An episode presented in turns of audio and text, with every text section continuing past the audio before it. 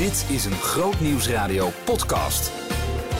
Van harte welkom bij de eerste van 2020 met een gesprek over de branden in Australië. En moeten we daaraan geven? Zij schreef Jezus overwinnaar en heeft een nieuw lied gemaakt, Eline Bakker. Maar we beginnen met een kleine vooruitblik op het komende jaar. Maurits is er niet. Groot Nieuwsradio podcast. Met Nando Kok. We gaan terug naar afgelopen maandag. Toen was het eerste interview dat we hebben uitgezonden dit jaar in De Nieuwe Morgen. Welke verwachtingen voor dat nieuwe jaar heeft Tweede Kamerlid Christoffer van de SGP? En na een bewogen weekend, waarin onder andere de VS een aanval deed op Iran, hoe kijkt hij naar die situatie? Ja, dat is gewoon een gevaarlijke situatie inderdaad. Een kruidvat daar in het Midden-Oosten. En um, ja, aan de ene kant, um, ik kan me voorstellen dat de VS heeft gezegd wij grijpen in. Die Iraanse generaal, dat is niet iemand die daar um, vredelievende dingen doet. Iemand die op, nou, qua steun aan terroristische uh, initiatieven heel veel gedaan heeft. Niet alleen in het Midden-Oosten, maar ook verder in de wereld. Dus ja, ik kan me op zich het voorstellen. Aan de andere kant is daar wel echt een kruidvat. Dus wat dat betreft, uh, ja, ik volg het met argusogen. Mm. En uh, niet alleen voor wat daar specifiek speelt tussen de VS en Iran, maar vooral ook uh, kijken naar de positie van Israël. Ja. Het is uh, echt wel een gevaarlijke situatie daar. Ja, vandaag houdt het Israëlische Veiligheidskabinet een zitting over de eventuele gevolgen van de moord op de Iraanse generaal. En als we ja. kijken naar de positie van Nederlandse militairen in Irak. Ja, um, kijk, we hebben net voor het kerstreces uh, natuurlijk steun uitgesproken voor verlenging van de missie in, uh, in Irak. Dat is niet iets wat wij alleen doen. Dat is iets wat we uh, met alle bondgenoten doen, met de coalitie tegen ISIS. Dus wat ons betreft blijft die steun. Maar ik denk dat het wel goed is dat het kabinet ons informeert over de nieuwe situatie die er speelt. Maar wat ons betreft, uh, vooralsnog is de insteek van blijven steunen. Kijk, je kunt wegkijken en denken, um, nou, laten we maar zien dat we ons terugtrekken. Maar daar ben je er niet mee. Het gaat natuurlijk niet alleen daar wat raken. Het gaat als je uitkijkt ook verder komen deze kant op. Dus wat dat betreft, um, ja, we moeten onze ogen niet sluiten. En ik denk dat het alleen maar een motivatie is om te zorgen dat we militair ook in Nederland sterker komen te staan. We gaan het hebben over de toekomst, over 2020. Wat komt er aan de orde? Nou, een van de dingen is denk ik belangrijk van laten we alsjeblieft zorgen dat wij een hele sterke defensie hebben staan. Ja, nou dat is iets waar de SGP zich uh, vanouds al hard voor maakt. Um, als we breder gaan, uh, gaan kijken. Het afgelopen jaar was een jaar van veel protesten en ontevredenheid in Nederland. Zal dat doorzetten dit jaar? Ja, dat weet je natuurlijk nooit. Maar um, nou, als ik de afgelopen weken zo ook even in de samenleving mijn thermometer insteek, dan denk ik dat dat door blijft gaan. Um, op zich is natuurlijk in Nederland een land waar het, uh, nou, de welvaart hoog is. Hè. Het gaat hier goed. Maar ergens merk je een soort ontevredenheid van. Ja, maar um, alles wat op, op, mensen afkomt aan um, maatregelen op het gebied van klimaat, die soms net een tikje te ver gaan. Alles wat speelt rond stikstof, waar mensen zeggen: ja, kunnen we hier nog leven? Als je kijkt naar uh, toch steeds een groot aantal mensen die, uh, die hier naartoe komen vanuit andere landen. Um, en niet alleen vanuit veiligheidsoverwegingen, maar ook vanuit economische overwegingen. Ja, je merkt dat dat knaagt. Ja. Dus ik denk, en ik kan niet in een soort glazen bol kijken, dat uh, God heeft de wereld in zijn hand en die weet wat er gebeurt. Maar ik denk dat de komende periode echt wel onrustig blijft. En dat geldt ook uh, voor het uh, onderwijs in het rijtje dat u net noemde. Deze maand ja, uh, staan er ook weer stakingen gepland. Um, de zorg, de, de zorg zeker. volgend jaar de verkiezingen. Hoe, hoe houdt politiek Den Haag zich daarmee bezig het komend jaar? Ja, dat wordt echt wel het voorbereidingsjaar. Kijk, je ziet nu de eerste partijen hebben al hun lijsttrekker bekendgemaakt. Um, het komende jaar zal dat ook voor de andere partijen natuurlijk plaats gaan vinden. En bij een aantal partijen is dat denk ik best een spannende situatie. Uh, de lijsten worden opgesteld, de verkiezingsprogramma's worden opgesteld. Ja, en dat heeft natuurlijk ook zijn weerslag in de politieke debatten. Want wat je natuurlijk aanziet komen voor die nieuwe periode en die nieuwe plannen die je uh, ongetwijfeld allemaal maakt, ja, dat zet dingen wel een beetje meer op scherp. Dus wat dat betreft kan politiek ook best uh, een interessant jaar worden. Je hoorde het eerste interview dat we uitzonden in het nieuwe jaar. Annemarie Biljart in gesprek met Tweede Kamerlid van de SGP, Christoffer. Grootnieuwsradio podcast. Met Nando Kok. Samen met Kees Kraaienoord en Rijer schreef zij het razend populaire Jezus Overwinnaar. Het lied behaalde de nummer 2 positie in de top 1008. Afgelopen week was ze te gast bij Hans van Vuren in Backstage om hierover te praten, maar ook over een nieuw nummer genaamd Alles Waard. Maar hoe ontstaat zo'n lied? Um, het is eigenlijk een lied van um, overgave uh, naar God. maar ook tegelijkertijd een lied ehm, van verlangen naar God. En ehm, die twee dingen zijn in één lied. Het is echt dat, dat zinnetje van u bent me alles waard. is wat ik, ja, wat ik letterlijk uit mijn journal zeg maar, heb overgenomen. Mhm. en in het lied terecht gekomen is omdat dat is iets wat ik heel vaak um, naar God zeg. Zo van, u kennen, echt weten wie u bent. En uw glorie zien, uw heerlijkheid zien, dat is me echt alles waard, zeg maar. Uh, maar tegelijkertijd is er ook een verlangen dus naar, naar meer van hem. En ik denk dat die twee dingen steeds samengaan. Dat we hongerig zijn naar meer van hem. Um, en dat hij ook steeds meer van zichzelf wil laten zien in ons leven. Dat dat echt zo'n reis is uh, wat we in ons leven mogen aangaan met hem. Eigenlijk een soort avontuur zie ik het eigenlijk bijna. Van de, die grote God uh, die, we, die we steeds meer en meer mogen leren kennen.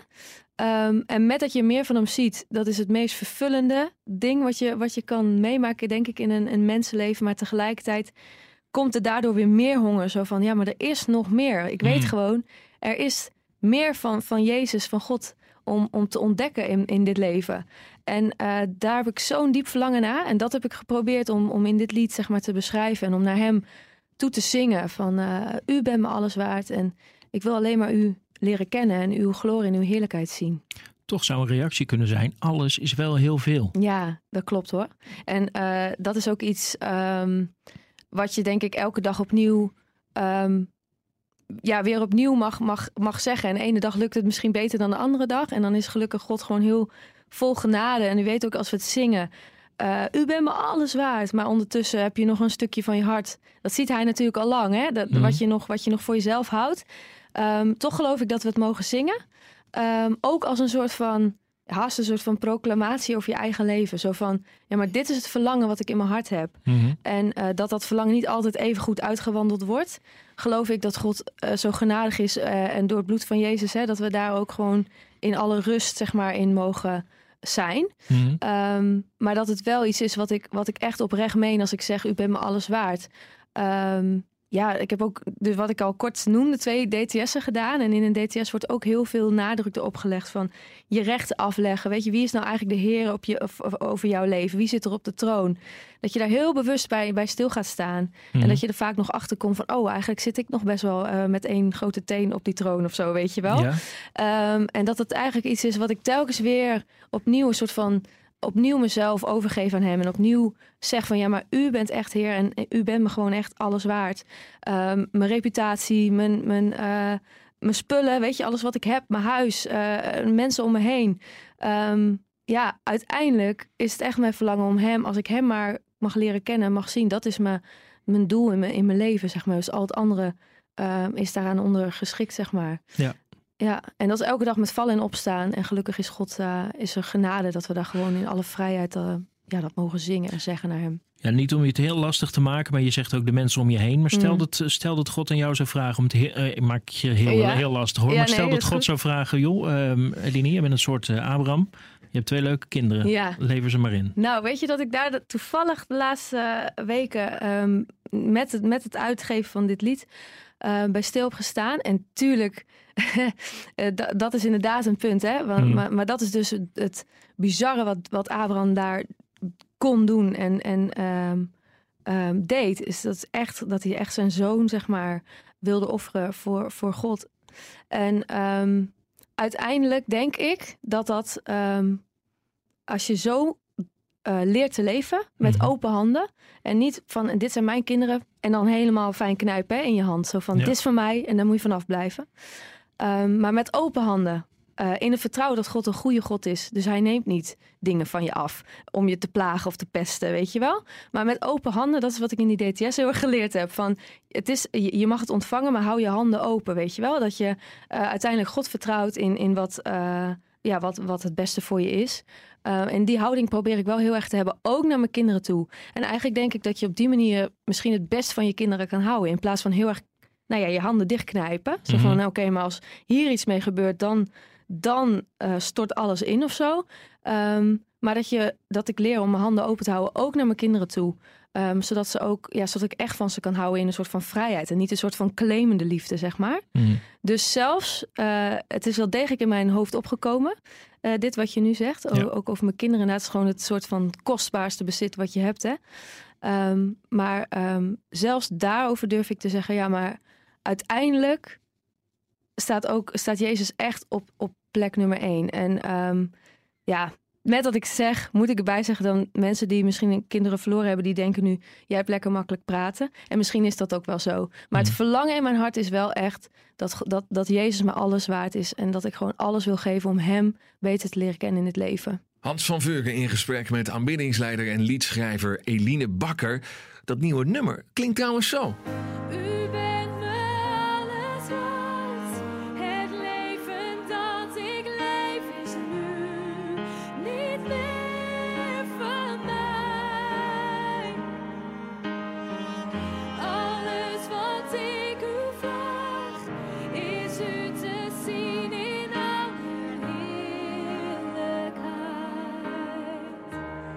Alles waar dus van Eline Bakker. Ja, Hans van Vuren die uh, stelde de vraag in het gesprek.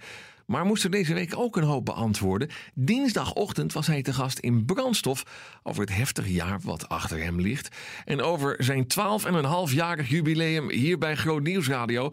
Ook dat gesprek kun je terugluisteren in zijn geheel via grootnieuwsradio.nl. Brandstof dus van dinsdag 7 januari. Grootnieuwsradio podcast. Met Nando Kok. Veel mensen zijn geraakt door de immense bosbranden in Australië. De beelden zijn schokkend. De bijzonder grote oppervlakte die is getroffen spreekt tot de verbeelding. En er zijn tientallen dodelijke slachtoffers en een zeer grote hoeveelheid aan dierlijke slachtoffers te betreuren. Er is een behoefte ontstaan om in actie te komen door geld te kunnen geven. Marien Kortering sprak in de dag van vandaag met Stijn Beurs. Hij is ethicus en zet zich via Effective Altruism Belgium in om te helpen meer rationele beslissingen te maken als het gaat om geld overmaken naar goede doelen. Hij vroeg hem onder andere waarom dat geld nou nodig is, want Australië is toch gewoon een welvarend land.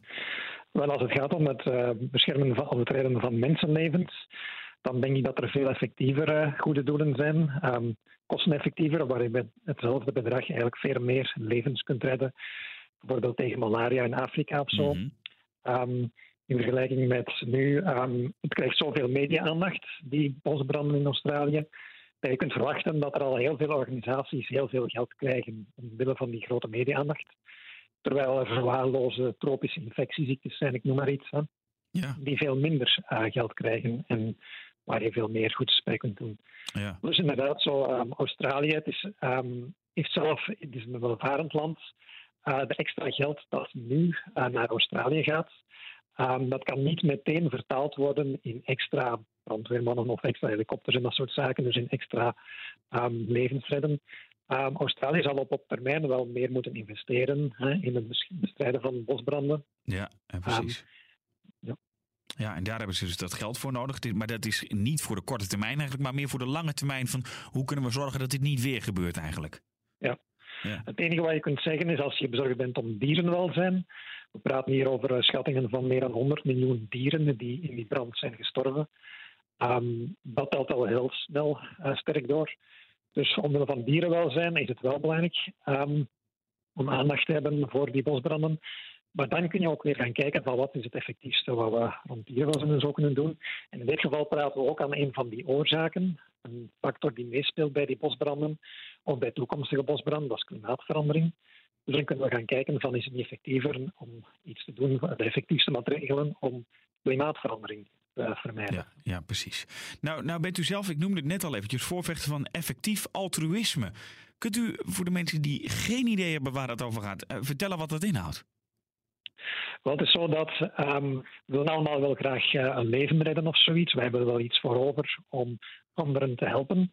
Maar um, als het uh, niet uitmaakt wie, wat, waar, wanneer je iemand helpt, um, dan kun je eigenlijk gaan kijken uh, met een kritische blik, met wetenschappelijke studies in hand, kun je gaan kijken naar wat zijn dan de effectiefste goede doelen of de effectiefste maatregelen om levens te helpen, ontwikkelingskansen van mensen in het zuiden of zo te bevorderen, dierenwelzijn bevorderen.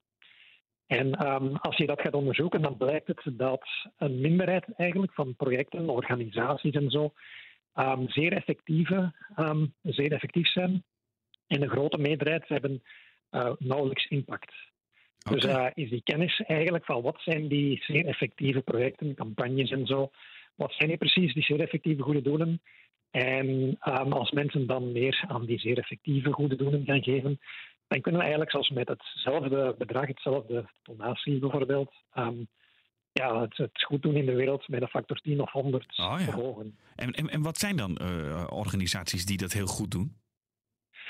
Um, je hebt dan uh, wat ze noemen een charity evaluator, dus een beoordelaar van goede doelen. GiveWell is zo ontstaan in de Verenigde Staten.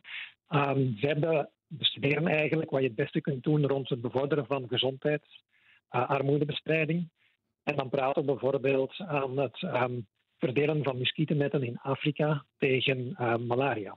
Oh, ja. bednetten, dat de kinderen uh, geen malaria krijgen. Ontwormingspilletjes aan de schoolpoort verdelen, dat de kinderen die naar school willen gaan, dat die geen parasitaire wormen um, in hun darmen krijgen. Oh ja. Dat soort van dingetjes. Okay. Dat zijn heel verwaarloze dingen. Niemand heeft ervan gehoord van die wormparasitaire ziektes en zo. Nee. Um, het zijn heel goedkope pilletjes die goed werken, geen neveneffecten en zo. Kinderen worden niet meer ziek. Um, en kunnen dan naar school gaan. En dat is bijvoorbeeld heel goed voor hun schoolresultaten. En het blijkt dus heel goed te zijn om hè, hun ontwikkelingskansen te bevorderen. Ja. en, nou hoor ik u daarover vertellen. En ik denk dat heel veel mensen aan de andere kant van de radio nu denken... Ja, nu wil ik graag horen waar ik dan het beste mijn geld aan kan besteden. Uh, hoe, hoe, kunnen, hoe, maken ze, moeten ze daar nou, hoe maak je daar nou goed een keuze in? Wel, het goede nieuws is dat er organisaties zijn, zoals GiveWell, die dat onderzoeken. Zij bestuderen dus bijvoorbeeld ook hoeveel uh, fondsen dat een organisatie kan vertalen in uh, effectieve impact. Dus um, noodhulporganisaties of nu rond de bosbranden, uh, waarvan je weet dat die op korte termijn heel veel geld krijgen, dan kun je verwachten dat een extra euro aan die organisaties minder impact zal hebben. Ja. Um, dus dat is heel moeilijk economisch onderzoek dat ze doen. Um, dat is niet zomaar je buikgevoel volgen. Um, daar is ook dus ook niet zomaar eenvoudig advies op te geven. Het simpelste advies dat ik kan geven is voor de mensen die daar interesse in hebben, kunnen een keer kijken bij die organisatie GiveWell wat zij aanbevelen. Dus elk jaar um, presenteren zij een lijst van een top aanbevelingen van organisaties ja. die voor ons zijn dus het beste armoede bestrijden, okay. Uh, levens redden. Ja. En hoe heet dat nog één keer voor de duidelijk? GiveWell? GiveWell, ja. Oké. Okay. Uh, uh, mensen kunnen thuis een keer opzoeken, effectief altruïsme, als je dat intikt. Um, dan krijg je dan waarschijnlijk terecht op de pagina van effectief altruïsme oh, Nederland okay. of, of België. En daar vind je ook al um, wat insteken en links naar die organisaties. Je hebt gelijkaardige organisaties voor dierenwelzijn, voor uh, rond klimaat en dat soort zaken. Oké. Okay. Interessante tip, we nemen het ter harte. Stijn Breurs, hartelijk dank voor uw uitleg. Ja, graag gedaan. En Stijn Breurs is ethicus en werkzaam bij Effective Altruism Belgium. Komende week op Grootnieuws Radio. Opnieuw een serie bijzondere uitzendingen en gasten in onze studio. Even een kleine vooruitblik naar aanstaande maandag. Dan komt Freek van de Brugge, de zanger van Lef, naar de studio om met Hans van Vuren in backstage te spreken over het nieuwe album Dansen in de Regen. En dan zal ook het eerste nieuwe nummer ja, zijn première kennen in uh, backstage. Dat belooft bijzonder te worden. En in uh, Brandstof woensdag een gesprek met dominee Johan het Lam. Hij is overspannen geweest en heeft daar een boek over geschreven: Het schaap met de vijf poten. Woensdag dus in Brandstof vanaf 10 uur met Eunice Nahuis. Daarmee zijn we aan het einde gekomen van deze editie van de podcast. Wil je nou altijd de wekelijkse podcast automatisch ontvangen? Abonneer je dan even op ons kanaal Groot Nieuws Radio. Dat kan in iTunes, Spotify of Soundcloud. En al onze podcasts zijn natuurlijk ook te vinden op onze site. Behoefte aan meer? Grootnieuwsradio.nl slash podcast.